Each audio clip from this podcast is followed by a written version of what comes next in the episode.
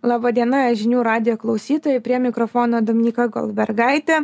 Gyvūnų, kaip ir tiesa žmonių sveikatai, nemažai įtakos turi mytyba. Dėl netinkamos augintinių dietos gali ištikti nemaža plokštė lygų - diabetas, nutukimas ar net vėžiniai susirgymai. To išvengti gali padėti sveika ir subalansuota augintinių mytyba. O kokia yra ta sveika mytyba keturkojui, sausas pašaras ar žalia mėsa, kada žinoti, kad mytybą iš tikrųjų jau reikia keisti. Šiandien to klausiu savo pašnekovės o studijoje veterinarijos klinikos e, Kaivana veterinarijos gydytoja Vigrė Buliauskaitė. Labą dieną. Sveiki. Tai pradėkime nuo to turbūt, kokie dažniausiai tie susirgymai, kada jau reikia suklusti ir reikėtų jau keisti augintinių mytybą. E, žinoma, visą tai jums pasakys pirmiausiai veterinarijos gydytojas, kuris ir rekomenduos būtent į kokią mytybą reikėtų keisti.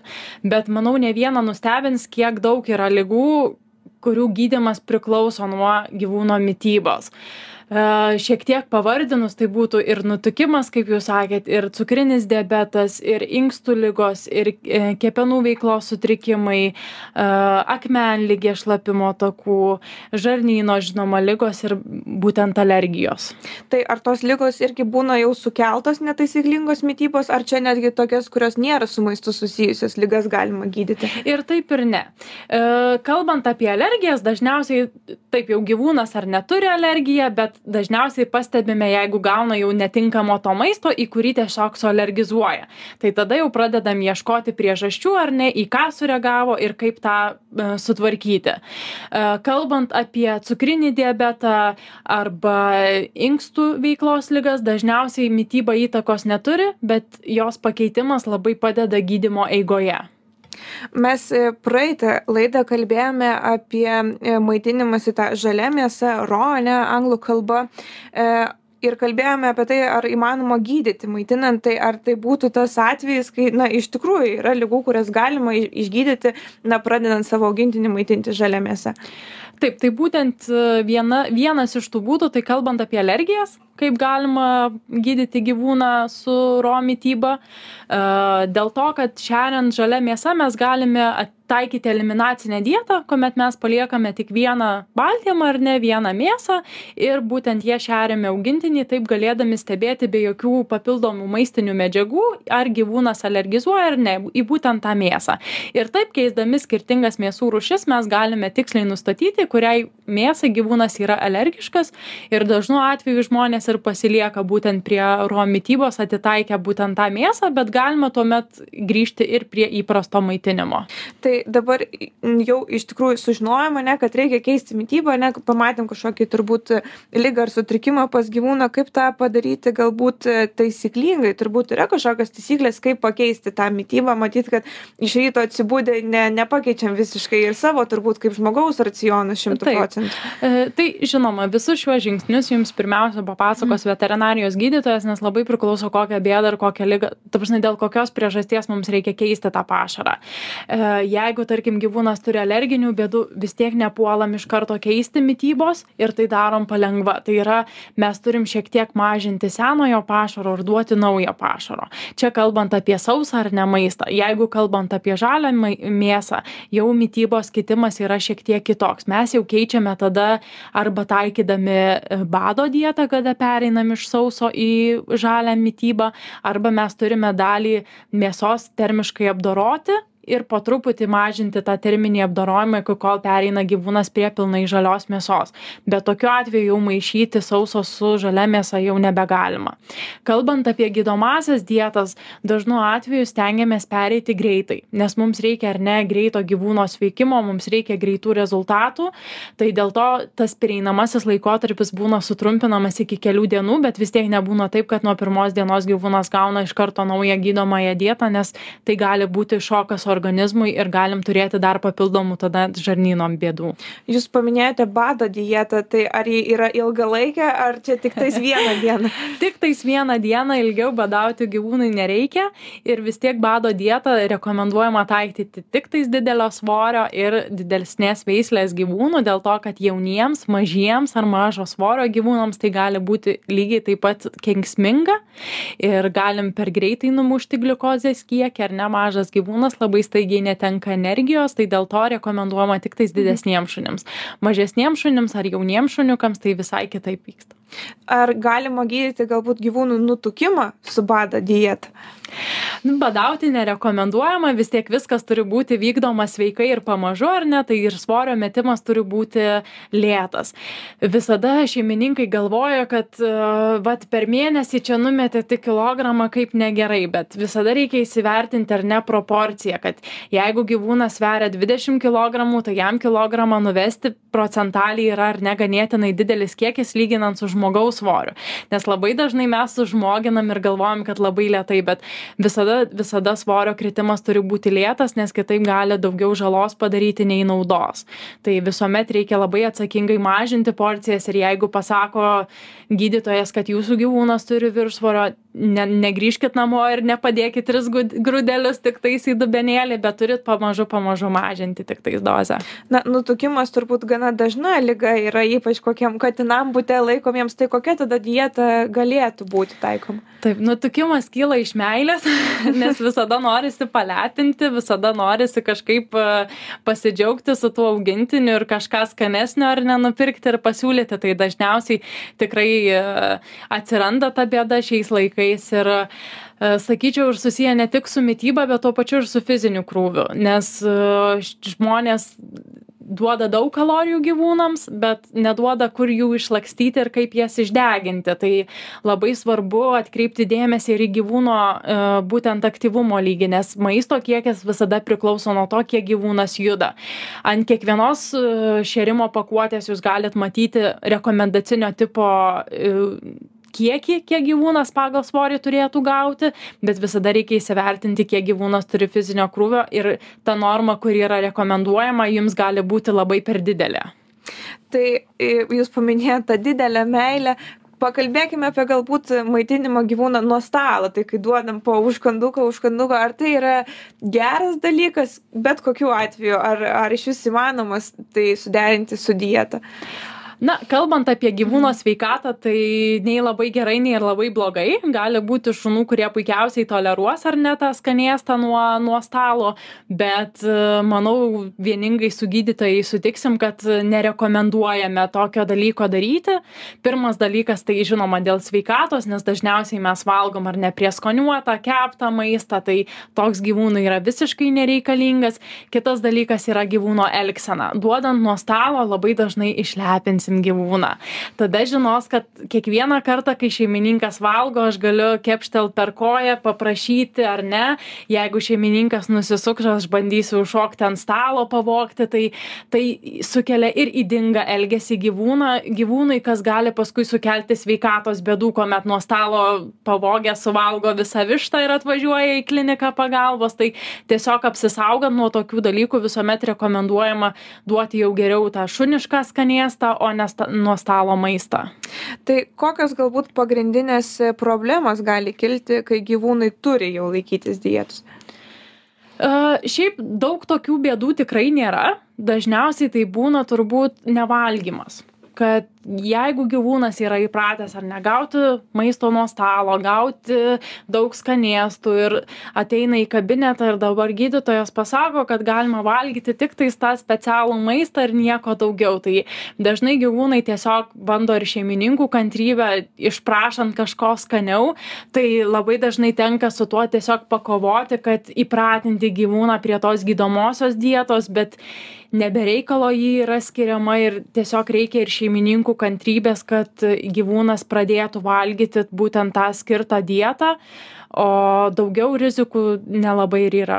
Tai ką daryti, jeigu gyvūnas nevalgo? Ar laukti, ar vis dėlto kažkaip po truputį įpinti tą maistą? Uh, taip, tai nevalgymas irgi labai abstraktus toks apibūdinimas, nes gyvūnas gali nevalgyti dėl E, elgesio ar ne kažkokių ydingų dalykų ir gali nevalgyti dėl sveikatos problemų. Tai jeigu jūsų gyvūnui buvo pakeista dieta ir jisai neturi apetito, tai gali tikrai būti susiję ir su tuo, kad jam maistas netinka ir su sveikatos problemom. Tai visuomet rekomenduojama geriau pasikonsultuoti su gydytoju ir pirmiau atmesti sveikatos bėdas ir tuomet bandyti tvarkyti ar ne elgsenos problemą. Kalbant apie gydomasias dietas, jos dažniausiai nėra tokios skanios tokios kaip įprastas tarkim ar žalios mėsos dieta ar konservai kad dažnai kuo lepinam ar ne gyvūną tai prie to reikia įprasti gyvūnams bet jos ir yra sukurtos specialiai tam kad tvarkytų tam tikrą ar ne bėdą, tam tikrą lygą. Tai tikrai e, nereikia bijoti tų gydomųjų dietų ir jos yra sukurtos tam, kad tiesiog pagelbėti tiek gydytojų darbą, tiek šeimininkų. Tai kalbant apie tą e, dietų įvairovę, ar gali augintinis būti vegetaras arba veganas? Deja, bet ne. Manau, kad daug norėtų žmonių, kad tai būtų, bet tikrai ne.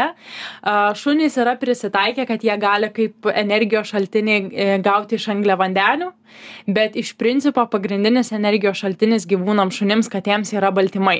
Priešingai negu žmonėm, ar ne mums yra angliavandenis pagrindinis energijos šaltinis, bet gyvūnams tai yra baltymas. Baltymas yra mėsa. Aišku, baltymo galima gauti ir iš daržovių, bet kalbant apie pagrindinį šaltinį, tai yra mėsa ir jau to nelabai galima pakeisti. O ar gali tą dietą sudaryti tik namuose gamintas maistas, o ne neperkant jokių papildomų e, pašarų? E, jeigu kalbame apie tą ankstesnę mytybą, kada, kaip sakyt, duodam nesuvalgytą ar ne savo maistą, tai manau tokie laikai jau turėtų būti praėję ir dėl to mes dažnai susidurėme su bėdomis, kada gyvūnai atvyksta su žarnyno bėdomis. Žinoma, tikrai yra išskirtinių tų atvejų, kada gyvūnas puikiausiai gali toleruoti tokią dietą, bet tai nereiškia, kad tai yra subalansuota ir gera mytyba. Tai iš principo reikėtų netaikyti tokių mytybos principų, tai arba jeigu gaminame, turime gaminti tą vat ar ne ro paruoštą sutartą su gydytoju dietą, arba jau geriau rinktis tą maistą, kuris yra jau subalansuotas ir nesukti galvos. O kalbant ne tik apie dietas, bet ir tą apskaitai sveiką turbūt mytybą, ar yra kažkoks maistas maisto produktas kurio apskritai ne vienas gyvūnas neturėtų valgyti? E, taip tai yra turbūt visi jau yra girdėję apie šokoladą vienas tų pagrindinių ar ne kas stipriai intoksikuoja. O gal galim gauti atsakymą kodėl šokoladą negalima e, gyvūnam? E, būtent dėl to kad viduje esančios tos medžiagos yra toksiškos. Ir ir dėl to gyvūnai gyvūnams sukeliamas yra intensyvus žarnyno uždegimas ir dėl to tiesiog gali ir pasibaigti mirtimi. E, taip pat vienas iš tokių e, produktų, kurių negalima duoti niekada gyvūnams, tai yra riešutai, avokadas, svogūnas, česnakas. Reikia vengti e, maisto produktų, kuriuose yra ksilitolio, tai yra kaip saldiklis naudojamas. Taip pat kofeino, reikia saugoti aišku alkoholio tai čia kaip ir suprantama ar ne kad didelė žala tiek tiek žmogaus tiek tiek ir gyvūno organizmui. Tai tikrai yra tų maistinių medžiagų ir žinoma žmogiški vaistai yra kalbant apie tą ką ko niekad negalima duoti tai reikia visada pasitarti su gydytoju prieš duodant kažkokį vaistinį preparatą O tada, kalbant apie tai, ką galima ir ką būtina turbūt duoti, ką žinoti būtina e, šeimininkui, kaip užtikrinti tą įvairovę maiste. E, jeigu gyvūnas gauna subalansuotą sausą maistą, jam pilnai užtenka visko, kad jis turėtų subalansuotą mytybą. Ir jam nereikia jokių papildų ir nereikia didelės įvairovės maiste. Mes labai dažnai sužmoginam gyvūnus ir galvojam, kad atsibodo jau ar ne ilgą laiką valgo tą patį maistą, bet taip nėra. Gyvūnai gali valgyti tą patį maistą, jeigu dėl tam tikrų priežasčių nereikia jo keisti, jisai gali valgyti jį visą likusį gyvenimą. Tai tos įvairovės tikrai nereikia ir daugiau galima padaryti žalos organizmui organizmui jeigu per daug keičiame greitai maistą negu kad liekame prie to paties. O jeigu kalbėt apie tuos irgi žmogiškuosius įpročius vartoti vitaminus papildomus ar papildus ar mineralus ar tas e, šunims e, ar katėms galioja ar ne tiesos yra, kad kartais tai yra labiau vat, mados reikalas, ne, negu kad reikia tų vitaminų. Tai žinoma, visada geriau pasitarti su gydytoju, jisai įvertins jūsų gyvūną ir pasakys, jeigu reikia kažkokių papildų ar jeigu verta kažką naudoti. E, visada e, galime parekomenduoti ir niekada blogiau nepadarys naudojant lašišų aliejų, kuris yra natūralus omega rūkščių ar ne šaltinis, e, pagerina tiek kailio, tiek odos būklę, tai tikrai yra saugus variantas.